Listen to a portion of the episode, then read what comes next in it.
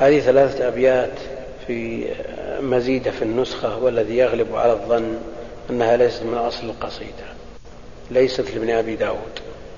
هذه الأبيات مزيدة من بعض من روى هذه القصيدة.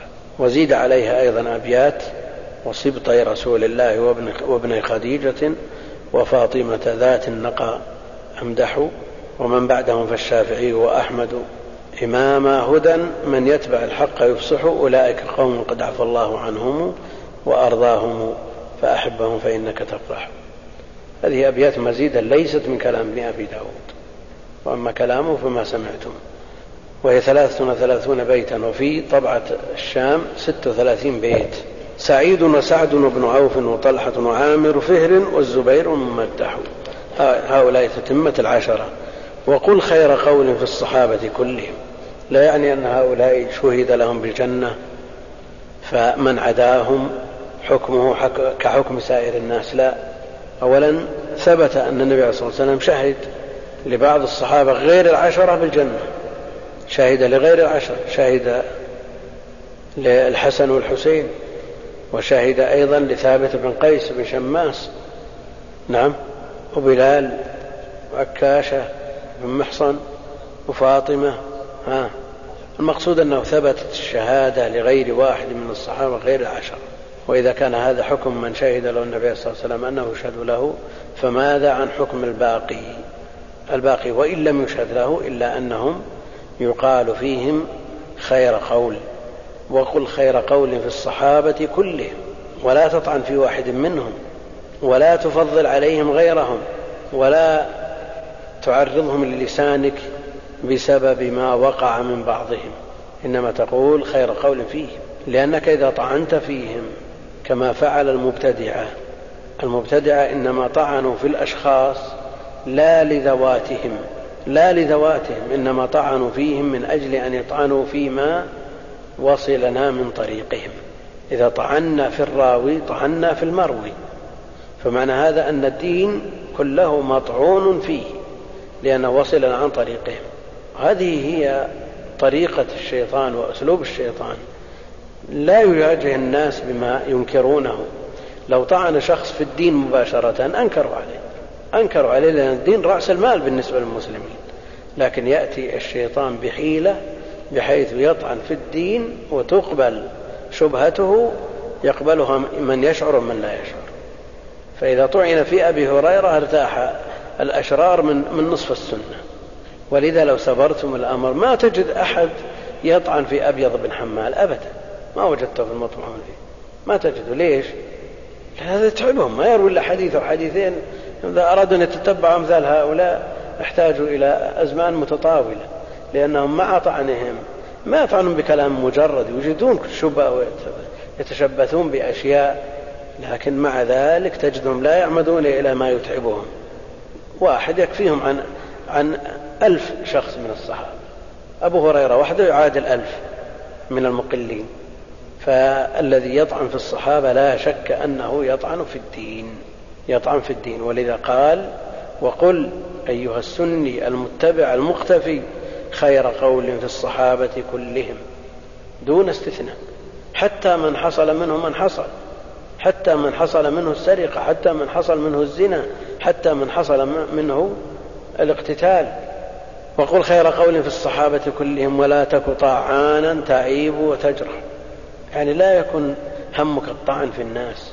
حتى في غير الصحابة لا تكن طعان. ليس المسلم بالطعان ولا باللعان ولا بالفاحش البذيء. هذا وصف المسلم أنه عفيف متعفف. وهذه صفة خيار الأمة. المزني قال بحضرة الشافعي فلان كذاب. قال يا أبا إبراهيم اكسو ألفاظك. أجملها يعني لا تنطق بهذا الكلام الشنيع القبيح. بإمكانك أن تؤدي الغرض بأسلوب أسهل من هذا. والإمام أحمد لما قيل له عن يزيد بن معاوية وذمه ذما شديدا قيل ألا تلعنه؟ قال وهل عهدت أباك لعانا؟ تحاشون مثل هذه العبارات. البخاري رحمه الله الراوي شديد الضعف يقول سكتوا عنه. وفيه نظر ما يرسلون ألسنتهم في الأشخاص وفي أعراض الناس. لا بد أن يتأدب طالب العلم مثل هذا الأدب في سائر الناس ولا سيما من له فضل على الأمة من الصحابة ومن تبعهم بإحسان إلى يوم الدين. وقل خير قول في الصحابة كلهم ولا تك طعانا صيغة مبالغة من الطعن تطعن في أعراض الناس فأعراض الناس حفرة من حفر النار وقف على شفيرها العلماء والحكام كما قال ابن دقيق العيد. ولا تك طعانا تعيب وتجرح. نعم لأن العلماء والحكام هم أكثر من يقع الناس في أعراضهم فهم يقفون على شفير هذه الحفرة يرمون الناس فيها الذين يتكلمون في أعراضهم. هذا على أحد التأويلين والتأويل الثاني لحاجة العلماء والحكام للكلام في الناس. العلماء يحتاجون الكلام في الناس. الحكام يحتاجون إلى الكلام في الناس فهؤلاء يقفون على شفيرها فإن كان كلامهم فيهم بحق سلموا وإن كان بباطل وقعوا. وهذا في من أسند إليه هذا الأمر الجرح والتعديل. أما من لم يسند إليه هذا الأمر ومعوله على مجرد التفكه في أعراض الناس فهذا أمره شيء هذا هو المفلس في الحقيقة. قد يقول قائل هل يأتي بعد الصحابة من هو خير منهم؟ وأمتي كالغيث كما جاء في الحديث لا يدرى خيرها أولها أو آخرها. وجاء في الحديث في السنن والمسند أنه في آخر الزمان المتمسك بالدين في وقت الفتن له أجر خمسين. قالوا منهم؟ قال لا منكم. وهل يعني هذا تفضيل من جاء من يجيء في آخر الزمان على الصحابة؟ لا ليس فيه تفضيل. هو تفضيل من هذه الحيثية من هذه الحيثية العمل الذي يعمل في آخر الزمان يعادل نظيره مما يعمل في أوله خمسين مرة. لكن فضل الصحبة وشرف الصحبة مزية وخصيصة لا ينالها أحد. ولو أنفق مثل أحد ذهبا ما بلغ مد أحدهم ولا نصيفه. فالصحابة لهم فضلهم ولهم آه، حقهم على الأمة لأنهم نقلوا لنا الدين. ولم لم يكن إلا أن الدين بلغنا بواسطتهم لكفاهم بذلك حقا عظيما علينا. تعيب وتجرح فقد نطق الوحي المبين بفضلهم. القرآن الكريم فيه آيات كثيرة تدل على فضل الصحابة. تدل على فضل الصحابة. وفي الفتح آي للصحابة تمدح. آيات في سورة الفتح تمدح الصحابة. ولو استعرضنا سورة الفتح لوجدنا فيها آيات كثيرة ولو لم يكن فيها إلا لقد رضي الله عن المؤمنين وفيها محمد رسول الله والذين معه أشداء على الكفار وحماء بينهم إلى آخر, إلى آخر الآية. هذا مدح وأي مدح لهؤلاء الصحابة وتعديل لجميعهم تعديل لجميع الصحابة. بعد قوله فقد نطق فيه من بعدهم والتابعون بحسن ما حذوا فعلهم قولا وفعلا فأفلحوا. في النسخة الشامية وعرفنا أن هذه الأبيات مزيدة وليست من نظم ابن أبي داود ونقف على القدر. ذلك وصحبه بسم الله الرحمن الرحيم. الحمد لله رب العالمين. صلى الله وسلم وبارك على نبينا محمد وعلى آله وصحبه أجمعين. أما بعد قال ابن حجر رحمه الله تعالى ذكر ما وقع بينه وبين الذهلي في مسألة اللفظ وما حصل له من المحنة بسبب ذلك وبراءته مما نسب إليه من ذلك. قال الحاكم أبو عبد الله في تاريخه قدم البخاري نيسابور سنة خمسين ومائتين فأقام بها مدة يحدث على الدوام. قال فسمعت محمد بن حامد البزار يقول سمعت الحسن بن محمد بن محمد بن جابر يقول سمعت محمد بن يحيى الذهلي يقول اذهبوا إلى هذا الرجل الصالح العالم فاسمعوا منه. قال فذهب الناس إليه فأقبلوا على السماع منه حتى ظهر الخلل في مجلس محمد بن يحيى. قال فتكلم فيه بعد ذلك. وقال حاتم بن أحمد بن محمود سمعت مسلم بن الحجاج يقول لما قدم محمد بن إسماعيل نيسابور ما رأيت واليا ولا عالما فعل به أهل نيسابور ما فعلوا به استقبلوه من مرحلتين من البلد أو ثلاث. قال محمد بن يحيى الذهلي. من مرحلتين يعني ثمانين كيلو. استقبلوه. وليس استقبالهم على السيارات والقاطرات أو الطائرات لا على الأقدام وعلى الرواحل. مسيرة ثلاثة أيام ليست بالسهلة عليهم أو يومين لكنها عندهم أمر يسير. أمر يسير سهل عليهم لأنهم وطنوا أنفسهم على هذا الأمر. وفي رحلة ابن بطوطة التي تحدثنا عنها خرجوا من طنجة وبعد عشرة أيام يمشون عشرة أيام توفي القاضي فرجعوا ليدفنوه في طنجة. عشرة أيام. من يتحمل مثل هذا من من ألف هذه الوسائل المريحة؟ من يتحمل أن يقف أمامه في سيارة عند إشارة وهو بيلف على اليمين؟ واقف قدامه واحد. يتحملون الناس اليوم؟ ما يتحملون.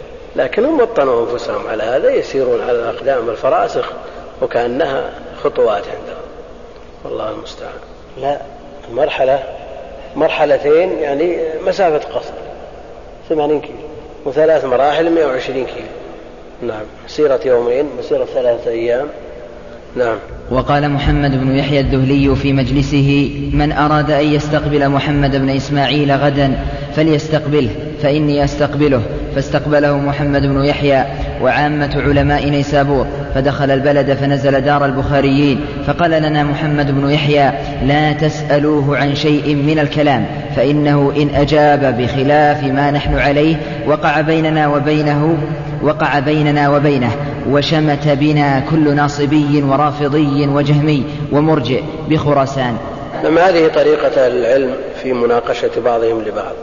إلى وقتنا هذا والمشايخ ينتقد بعضهم بعضا لكنهم لا يظهرون ذلك للناس. تناقشوا فيما بينهم لكن لا يظهرون ذلك للناس. وهكذا ينبغي أن يكون أهل العلم. لا يشمت بهم الأعداء ولا يتفرق بسببهم الجهال.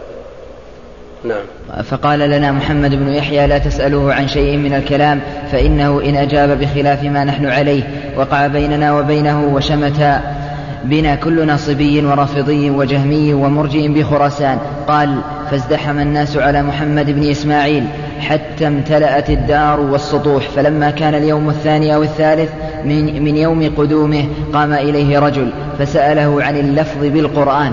فقال أفعالنا مخلوقة وألفاظنا من أفعالنا. قال فوقع بين الناس اختلاف. صار, صار هذا مفتاح شر. هذا الذي سأل هذا السؤال. ويفعل بعض الناس اليوم. يفعل. شوف يرى الناس مقبلين على شخص فيريد إسقاطه على حد اصطلاحهم فيسأله مثل هذا السؤال.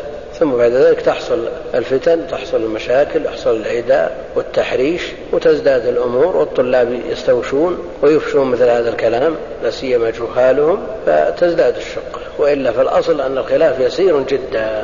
نعم. فلما كان اليوم الثاني أو الثالث من يوم قدومه قام إليه رجل فسأله عن اللفظ بالقرآن فقال أفعالنا مخلوقة وألفاظنا من أفعالنا.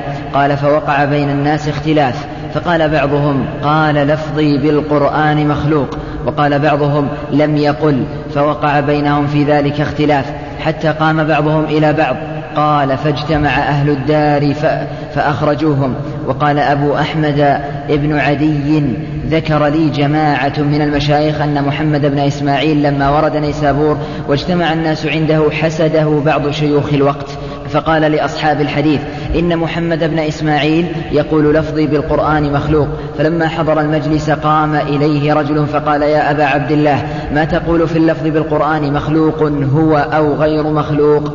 فأعرض عنه البخاري ولم يجبه ثلاثا. فألح عليه فقال البخاري القرآن كلام الله غير مخلوق وأفعال العباد مخلوقة والامتحان بدعة فشغب الرجل وقال قد قال لفظي بالقرآن مخلوق. إلزام إلزام. ما دام قال أفعالنا مخلوقة يعني كما نطق بذلك القرآن والله خلقكم وما تعملون. فأفعال العباد مخلوقة والإمام البخاري مصنف في هذا خلق أفعال العباد. لكن ألزموه بأنه ما دام يقول هذا الكلام فلا بد أن يقول لفظي بالقرآن مخلوق. وما قال هذا. وهذا اللفظ المجمل لا يقوله البخاري ولا غيره مسألة اللفظ. لأن اللفظ يطلق ويراد به الملفوظ ويطلق ويراد به التلفظ. نعم. وقال الحاكم حدثنا أبو بكر بن أبي, ابن أبي الهيثم حدثنا الفربري قال سمعت محمد بن إسماعيل يقول إن أفعال العباد مخلوقة فقد حدثنا علي بن عبد الله قال حدثنا مروان بن معاوية قال حدثنا أبو مالك عن ربعي بن حراش عن حذيفة رضي الله تعالى عنه قال قال رسول الله صلى الله عليه وآله وسلم إن الله يصنع كل صانع وصنعته. قال البخاري وسمعت عبيد الله بن سعيد يعني أبا قدامة السرخسي يقول ما زلت أسمع أصحابنا يقولون إن أفعال العباد مخلوقة. قال محمد بن إسماعيل حركاتهم وأصواتهم وأكسابهم وكتابتهم مخلوقة. فأما القرآن المبين المثبت في المصاحف الموعى في القلوب فهو كلام الله غير مخلوق. قال الله تعالى بل هو آيات بينات في صدور الذين أوتوا العلم. قال وقال إسحاق بن راهوية أما الأوعية فمن يشك أنها مخلوقة. وقال أبو حامد وقال أبو حامد بن الشرقي سمعت محمد بن يحيى الدهلي يقول القرآن كلام الله غير مخلوق ومن زعم لفظي بالقرآن مخلوق فهو مبتدع ولا يجالس ولا يكلم ومن ذهب بعد هذا إلى محمد بن إسماعيل فاتهموه فإنه لا يحضر مجلسه إلا من كان على مذهبه. لأن هؤلاء الذين نقلوا له ما فهموه من كلام البخاري سواء كان عن قصد أو غير قصد. هم فهموا من كلام البخاري أنه يقول أفعالنا مخلوقة. رووا هذا بالمعنى وقالوا أنه يقول لفظنا بالقرآن مخلوق. لفظه مخلوق. وأما ومسألة لفظي بالقرآن مخلوق هذه بدعة شنيعة لأنها تحتمل التلفظ وتحتمل الملفوظ. فنقلوا له ما فهموا. نقلوا له نقلوا لذول ما فهموه وبعضهم حرف كلامه إلى ما يريد ليوقع بين علماء المسلمين نعم. وقال الحاكم ولما وقع بين البخاري وبين الذهلي في مسألة اللفظ انقطع الناس عن البخاري إلا مسلم بن الحجاج وأحمد بن سلمة قال الذهلي ألا من قال باللفظ فلا يحل له أن يحضر مجلسنا. فأخذ مسلم رداءه فوق عمامته وقام على رؤوس الناس فبعث إلى الذهلي جميع ما كان كتبه عنه على ظهر جمال. قلت وقد أنصف مسلم فلم, يح فلم يحدث في كتابه عن هذا ولا عن هذا. وقال الحاكم أبو عبد الله سمعت محمد بن صالح بن, هانئ يقول سمعت أحمد بن سلمة النيسابوري يقول النيسابوري يقول دخلت على البخاري فقلت يا أبا عبد الله إن هذا رجل مقبول بخراسان خصوصا في هذه المدينة وقد لج في هذا الأمر حتى لا يقدر أحد منا أن يكلمه فيه فما ترى؟ قال فقبض على لحيته ثم قال وأفوض أمري إلى الله إن الله بصير بالعباد اللهم إنك تعلم أني لم أريد المقام بنيسابور. اللهم إنك تعلم. أني لم أريد المقام بنيسابور. أشرا ولا بطرا ولا طلبا للرياسة. وإنما أبت علي نفسي الرجوع إلى الوطن لغلبة المخالفين. وقد قصدني هذا الرجل حسدا حسدا لما آتاني حسدا لم لما آتاني الله لا غير. ثم قال لي يا أحمد إني خارج غدا لتخلصوا من حديثه لتخلصوا من حديثه لأجلي. وقال الحاكم أيضا عن الحافظ أبي عبد الله بن الأخرم قال لما قام مسلم بن الحجاج وأحمد بن سلمة من مجلس محمد بن يحيى بسبب البخاري قال الذهلي لا يساكنني هذا الرجل في البلد فخشي البخاري وسافر.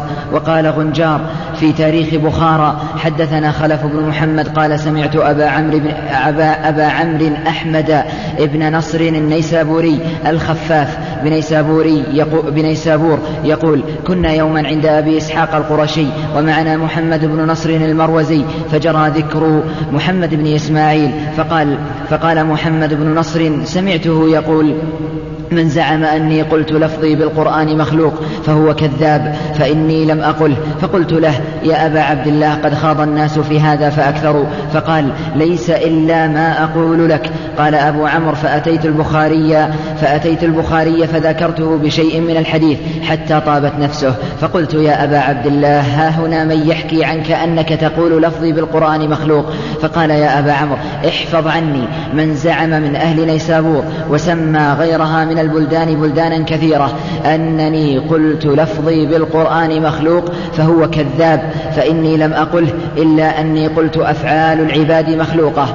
وقال الحاكم سمعت أبا الوليد حسان بن محمد الفقيه يقول سمعت محمد بن نعيم يقول سألت محمد بن إسماعيل لما لما وقع في شأنه ما وقع عن الإيمان فقال قول وعمل ويزيد وينقص والقرآن كلام الله غير مخلوق وأفضل أصحاب محمد رسول وأفضل أصحاب رسول الله صلى الله عليه وسلم أبو بكر ثم عمر ثم عثمان ثم علي رضي الله عنهم على هذا حييت وعليه أموت وعليه أبعث إن شاء الله تعالى. كلام الذهبي في المسألة تعقيبا على القصة أوردها بطولها ثم قال قلت حافظ الذهبي. قال الذهبي رحمه الله تعالى قلت المسألة هي أن اللفظ مخلوق سئل عنها البخاري فوقف فيها فلما وقف واحتج بأن أفعالنا مخلوقة واستدل لذلك فهم, فهم منه الذهلي أنه يوجه مسألة اللفظ فتكلم فيه وأخذه بلازم قوله هو وغيره. وقد قال البخاري في الحكاية التي رواها غنجار غنجار في تاريخه حدثنا خلف بن محمد بن إسماعيل. سمعت قال سمعت أبا عمرو أحمد بن نصر النيسابوري الخفاف ببخارى يقول كنا يوما عند أبي إسحاق القيسي ومعنا محمد بن نصر المروزي فجرى ذكر محمد بن إسماعيل البخاري فقال محمد بن نصر سمعته يقول من زعم أني قلت لفظي بالقرآن مخلوق فهو كذاب فإني لم أقله فقلت له يا أبا عبد الله قد خاض الناس في هذا وأكثروا فيه فقال ليس ليس إلا فقال ليس إلا ما أقول. قال أبو عمرو الخفاف فأتيت البخاري فناظرته في شيء من الأحاديث حتى طابت نفسه. فقلت يا أبا عبد الله ها هنا أحد يحكي عنك أنك قلت هذه المقالة. فقال يا أبا عمرو احفظ ما أقول لك. من زعم من أهل نيسابور وقومس والري وهمذان وحلوان وبغداد وبغداد والكوفة والبصرة ومكة والمدينة.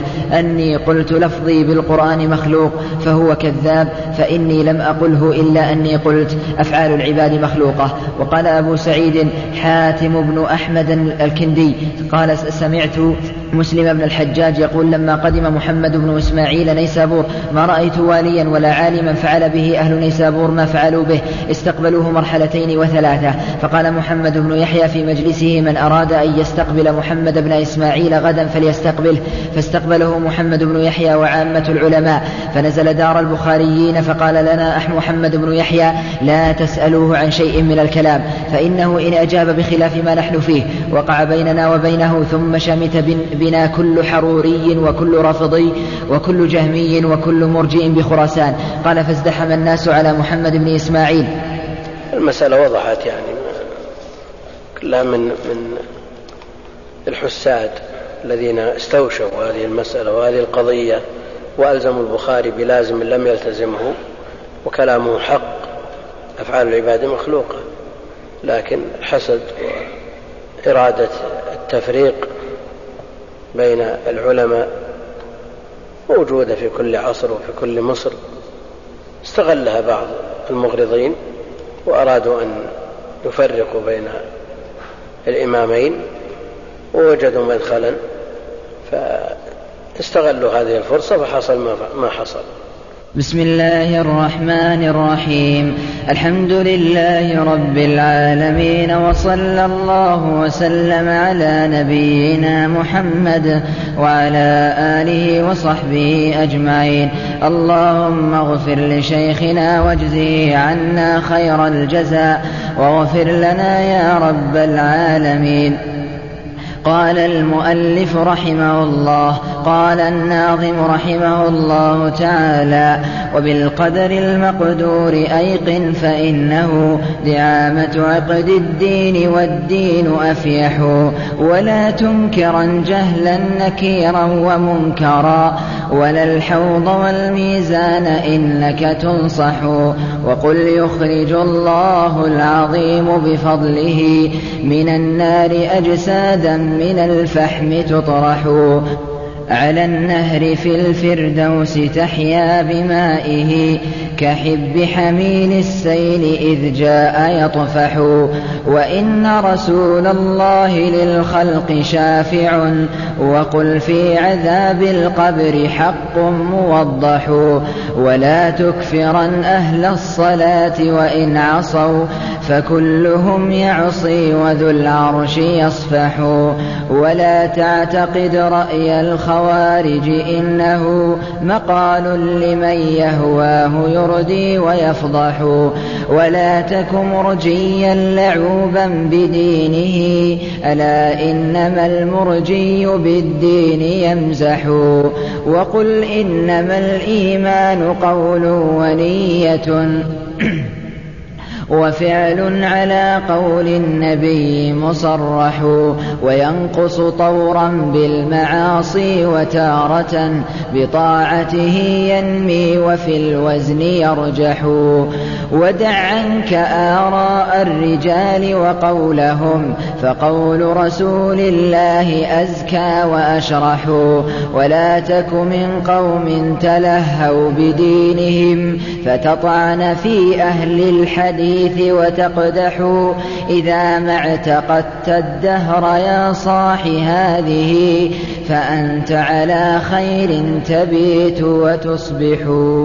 الحمد لله رب العالمين وصلى الله وسلم وبارك على عبده ورسوله نبينا محمد وعلى آله وصحبه أجمعين. أما بعد فيقول الناظم رحمه الله تعالى بعد أن أنهى الكلام على عقيدة أهل السنة والجماعة في الصحابة ذكر معتقدهم في ركن ركين عظيم من أركان الإيمان.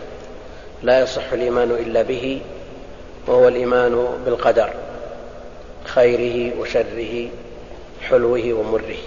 وجاء ذكره في آيات كثيرة وذكره النبي عليه الصلاة والسلام في جوابه لجبريل لما سأله عن الإيمان. وذكر فيه أن تؤمن بالله وملائكته وكتبه ورسله وباليوم الآخر الآخر وبالقدر خيره وشره. وهو ركن من أركان الإيمان بإجماع من يعتد بقوله من أهل العلم.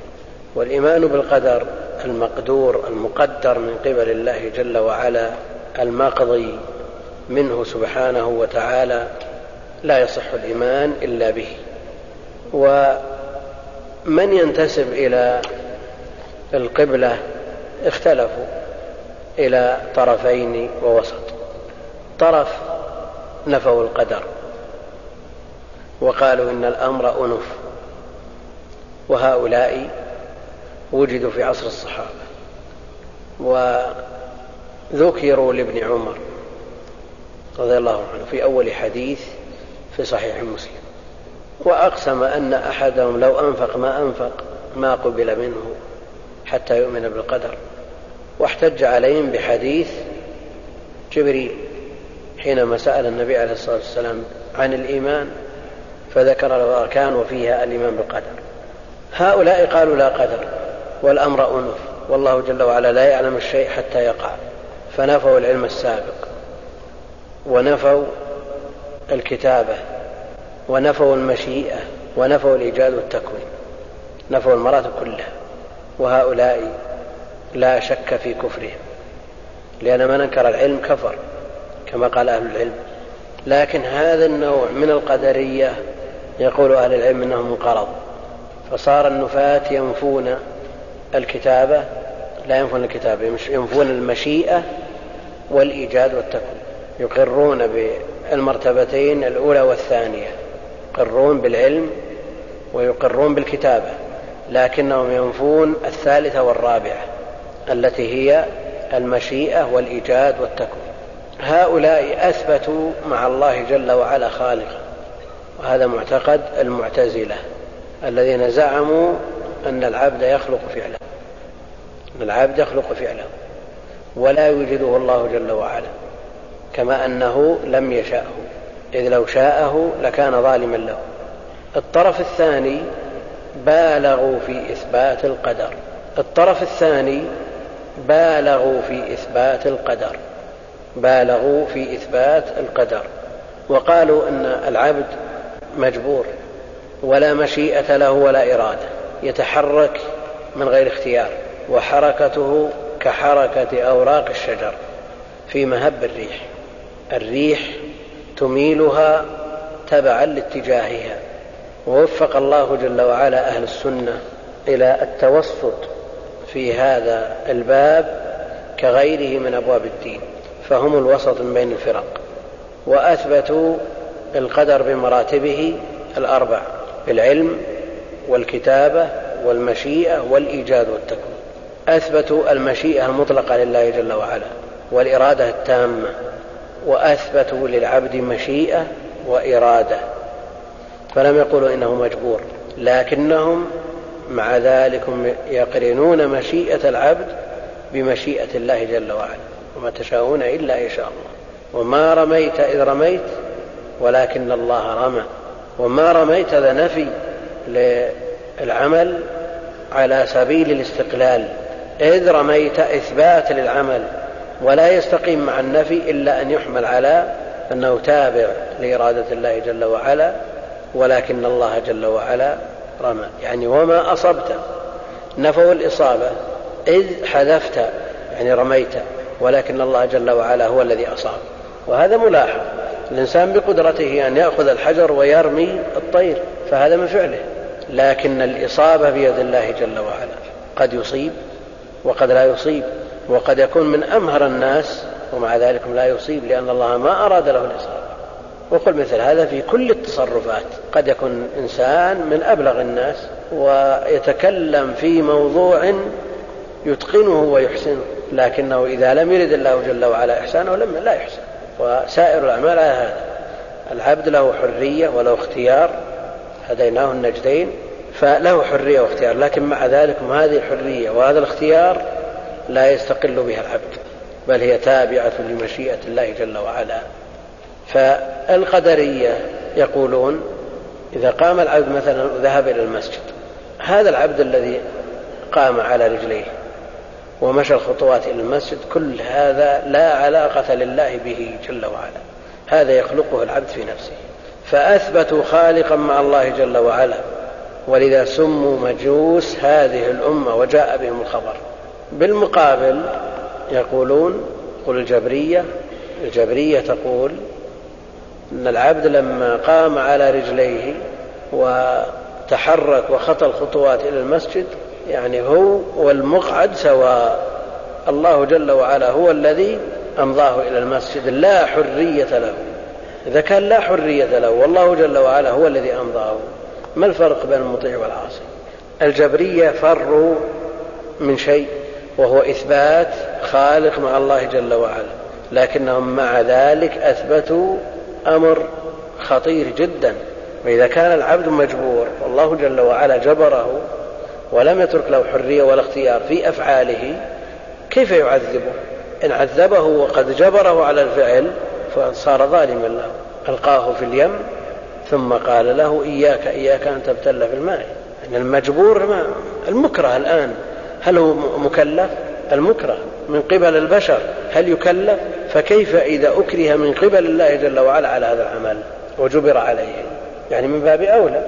إذا أجبره الذي كلفه وطالبه بالعمل لا شك أن هذا ضلال. نسأل الله السلامة والعافية. والذي له مراجعات في تفسير الرازي ليكن على حذر شديد من مسألة الجبر. فالرجل جبري. إضافة إلى المسائل الأخرى التي ظل فيها وأورد فيها من الشبه ما لا يستطاع دفعه.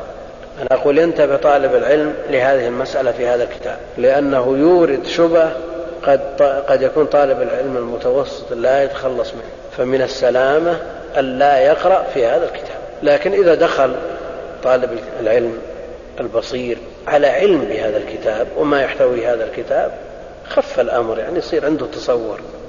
بخلاف ما لو دخل على جهل ما يعرف واقع الكتاب ويسمع هذه الشبه القوية عنده لأنه بارع في إلقاء الشبه لكن الإجابة عن هذه الشبه ضعيف جدا.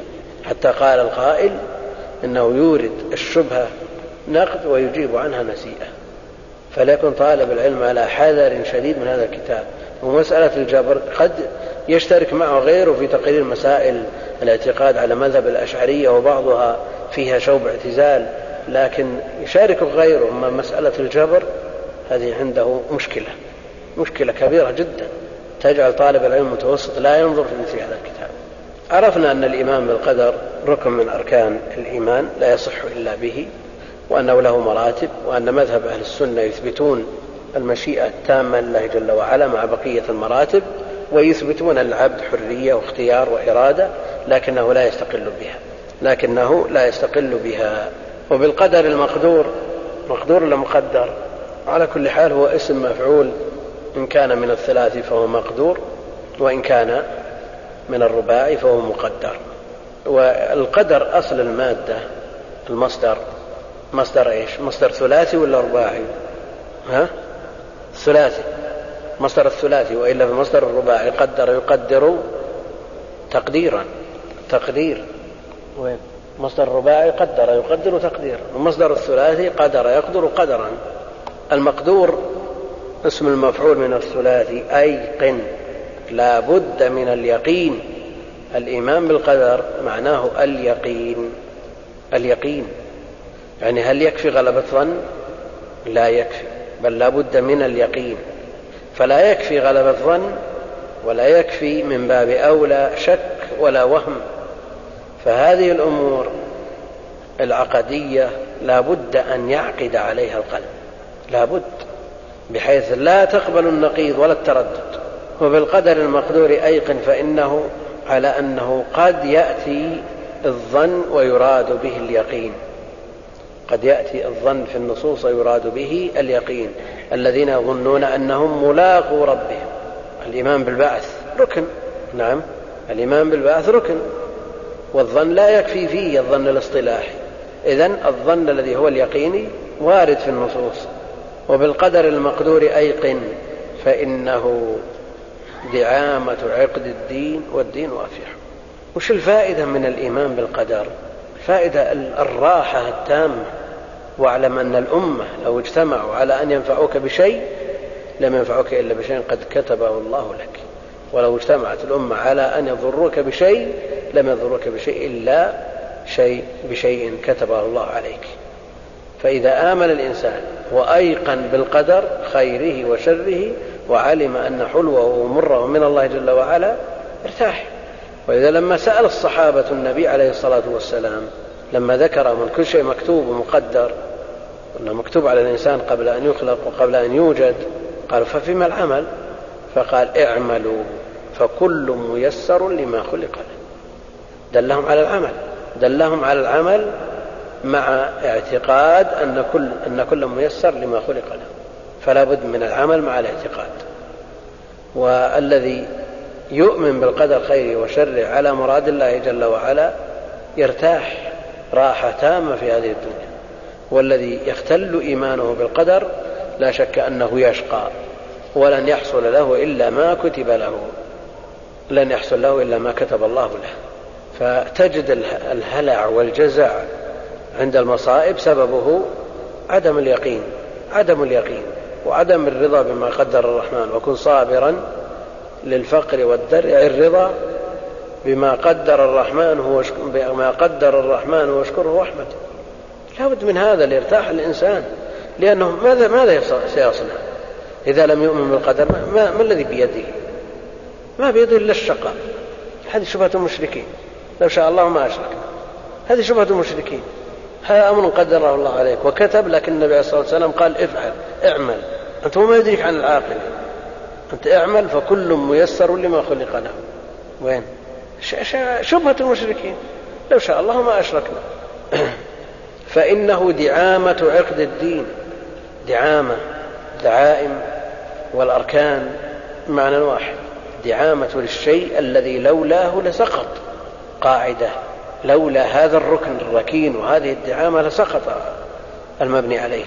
دعامة عقد الدين والدين أفيح. الدين واسع. الدين الذي ارتضاه الله للناس. إن الدين عند الله الإسلام. ورضيت لكم الإسلام دينا. هذا الدين المعهود الذي جاءت بفضله وأن الله لا يقبل سواه هو المراد هنا. ويطلق الدين ويراد به الجزاء. مالك يوم الدين يوم الجزاء. لكن المقصود به الدين الذي هو الإسلام الذي ارتضاه الله بعد إكماله ولا يقبل الله من أحد سواه. والدين هذا الدين الواسع أفيح فيه سعة في شموله لجميع نواحي الحياة. الدين أفيح يسع جميع التصرفات. فما من تصرف يتصرفه المكلف إلا وللدين فيه حكم وغير المكلف أيضا حتى جنايات البهائم في الشرع لها أحكام.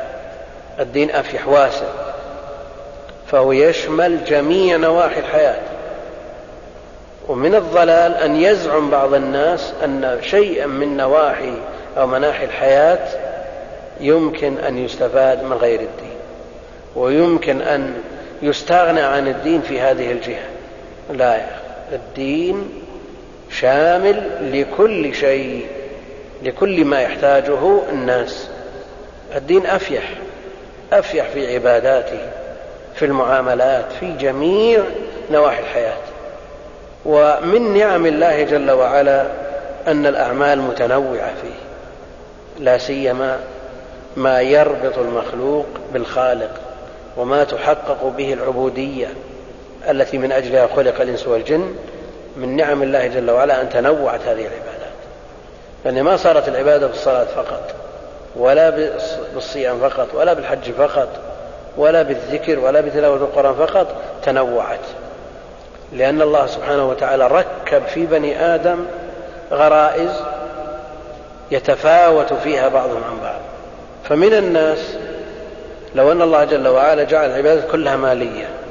من الناس عنده استعداد يصلي ألف ركعة ولا ينفق درهم. مثل هذا يصير حياته؟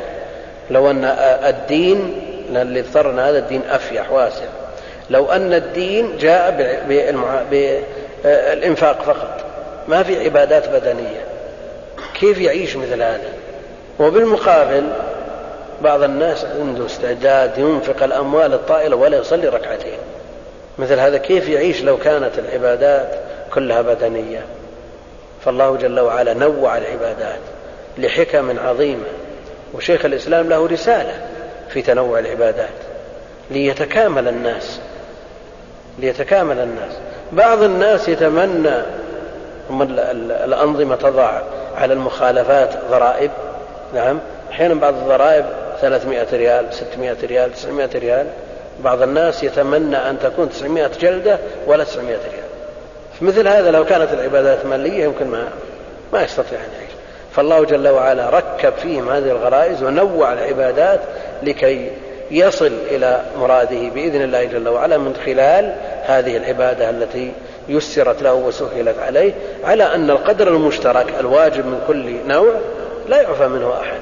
ثم قال الناظم رحمه الله تعالى ولا تنكرا جهلا وفي آه، طبعة الشيخ رشيد رضا جهرا ولا تنكرا, جهلا نكيرا ومنكرا ولا الحوض والميزان إنك تنصح ولا تنكرا هذه ناهية والنون نون التوكيد الخفيفة جهلا نكيرا ومنكرا جهلا. بعض الناس لا يلزم لإنكاره الشيء أن يكون جاهلا لكنه إذا أنكره عومل معاملة الجاهل. كما أن من عصى الله جاهل ولو كان عالما بالحكم فمن أنكر شيئا بعد أن استيقنته نفسه فهو جاهل لأنه قد يفهم بعضهم من قوله ولا تنكرا جهلا أنك إذا أنكرته عن علم فلا شيء عليك. نعم من أنكر التسمية لأن الخبر الوارد بها لم يثبت عنده هذه مسألة لكن آه، لكن الملكين اللذين يسألان العبد إذا دفن وإنه لا يسمع قرع نعالهم يأتيه ملكان هذا لا إشكال في ثبوته ثبوته قطعي أما التسمية فجاءت في حديث عند الترمذي يأتيه ملكان أحدهما المنكر والآخر النكير. جاء التسمية في حديث عند في حديث الترمذي وصححه بعض أهل العلم فإنكاره لعدم ثبوت الخبر فيه يعني إذا إذا كان من أهل النظر ولم يثبت الخبر عنده هذه مسألة أخرى. فيكون الإنكار عن علم. أما الإنكار عن جهل لثبوت الخبر عنده أو لعدم بلوغه إياه هذا جهل على الحالين. لكن خبر ثابت عنده وينكر ذلك يكون جاهل من باب أن من عصى الله جاهل. وإذا لم يبلغه الخبر فهو جاهل وقد يعذر بجهله لا سيما ما يتعلق بالتسمية. والحديث عند الترمذي وهو مصحح من قبل بعض أهل العلم. ولا تنكرا جهلا نكيرا ومنكرا ولا الحوض نكير ومنكر إذا سأل العبد عن الأصول الثلاثة من ربك وما دينك ومن هذا الرجل الذي بعث فيكم فالمؤمن يقول ربي الله. وديني الإسلام والنبي الذي بعث فينا هو محمد بن عبد الله عليه الصلاة والسلام. فينبغي أن يعنى طالب العلم بهذه الأسئلة الثلاثة ويعد لها جوابا. قد يقول أحد مثلا كل الناس يجيبون على هذه الأسئلة. كل الناس يجيبون الأطفال في الصف الأول الابتدائي وبعض الناس يلقنها الأولاد من من السنة من سن الثالثة. وبعضهم قبل ذلك وبعضهم بعد ذلك والمسألة مسألة توفيق. لكن قد يقول أنا كل الناس يجاوبون. الجواب ما هو بيدك. المسألة مسألة اعتقاد صحيح يصدقه العمل. أما مجرد الدعاوى فلا تنفع. وقد لا يجيب ولو كان من من أكثر الناس قراءة للكتب لكنه لم يعتقد الاعتقاد الصحيح. هذا الخطر العظيم.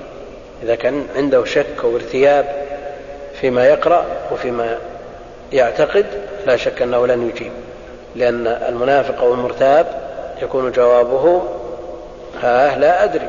سمعت الناس يقولون شيئا فقلت. فالمسألة تثبيت من الله جل وعلا في الدنيا وفي الآخرة. والتثبيت في الآخرة مترتب على الثبات في الدنيا. فعلى الإنسان أن يعمل ويسعى جاهدا في هذه الدنيا مخلصا لله جل وعلا ليثبت في الآخرة. نكيرا ومنكرا.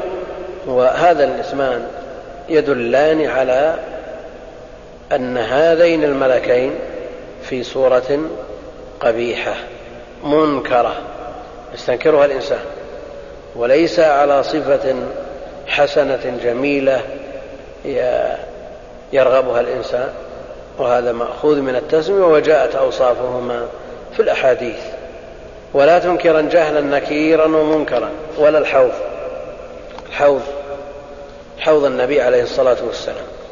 من معتقد أهل السنة والجماعة الإيمان بعذاب القبر بعد السؤال من منكر ونكير إما أن ينعم في قبره ولذا يقول شيخ الإسلام في الواسطية ثم بعد هذه الفتنة فتنة السؤال ثم بعد هذه الفتنة إما نعيم وإما عذاب. إما نعيم وإما عذاب. فالذي يجيب بالأجوبة الصحيحة يقال له نم فينام كنومة العروس. يفتح له باب إلى الجنة ويأتيه من, من روحها إلى آخره. وأما بالنسبة للذي لا يجيب هذا نسأل الله العافية. يضرب بمرزبة من حديد ويفتح له باب النار ويعذب في قبره. النار يعرضون عليها غدوا وعشي إلى يوم القيامة. غدوا وعشي ويوم تقوم الساعة أدخلوا آل فرعون أشد العذاب. فالقبر فيه نعيم وفيه عذاب. فعلى المسلم لا سيما طالب العلم أن يعد العدة. ولا الحوض. حوض النبي عليه الصلاة والسلام الذي جاء وصفه ووصف مائه وعدد آنيته وأنه يذاد عنه أقوام. يعرفهم النبي عليه الصلاة والسلام بأوصافهم وبأشكالهم فمن ارتد بعده وقد كان قد كان قد آمن به يعرفه بعينه. وأما من لم يدركه من أمته يعرفه بالآثار التي تدل عليه لأنه ارتد على عقبيه. فهؤلاء الذين ارتدوا على أعقابهم هؤلاء يذادون عن الحوض. والنبي عليه الصلاة والسلام يقول أصحابي أصحابي أصيحابي في بعض الروايات فيقال إنك لا تدري ماذا أحدث بعدك. فلينتبه الإنسان إلى هذه المحدثات إلى هذه المحدثات ويلزم الجادة لأن هذه المحدثات قد تكون في أول الأمر يسيرة لكنها تشريع مشاركة لله جل وعلا في التشريع. ينتبه لهذه المحدثات التي لا تزال تكبر شيئا فشيئا إلى أن يخرج بسببها من دينه فيرتد على عقبيه بمذاد عن الحوض. وبعض الطوائف كالرافضة يزعمون أن النص في الصحابة لأنه مرتد. لكن من الذي ارتد على عقبيه؟ والذي أحدث في الدين الحدث. من الأولى بهذا الوصف؟ صحابة النبي عليه الصلاة والسلام الذين حفظ الله بهم الدين وحملوا الدين وبلغوه إلى أقاصي الدنيا أو الذين أحدثوا في الدين ما ليس منه.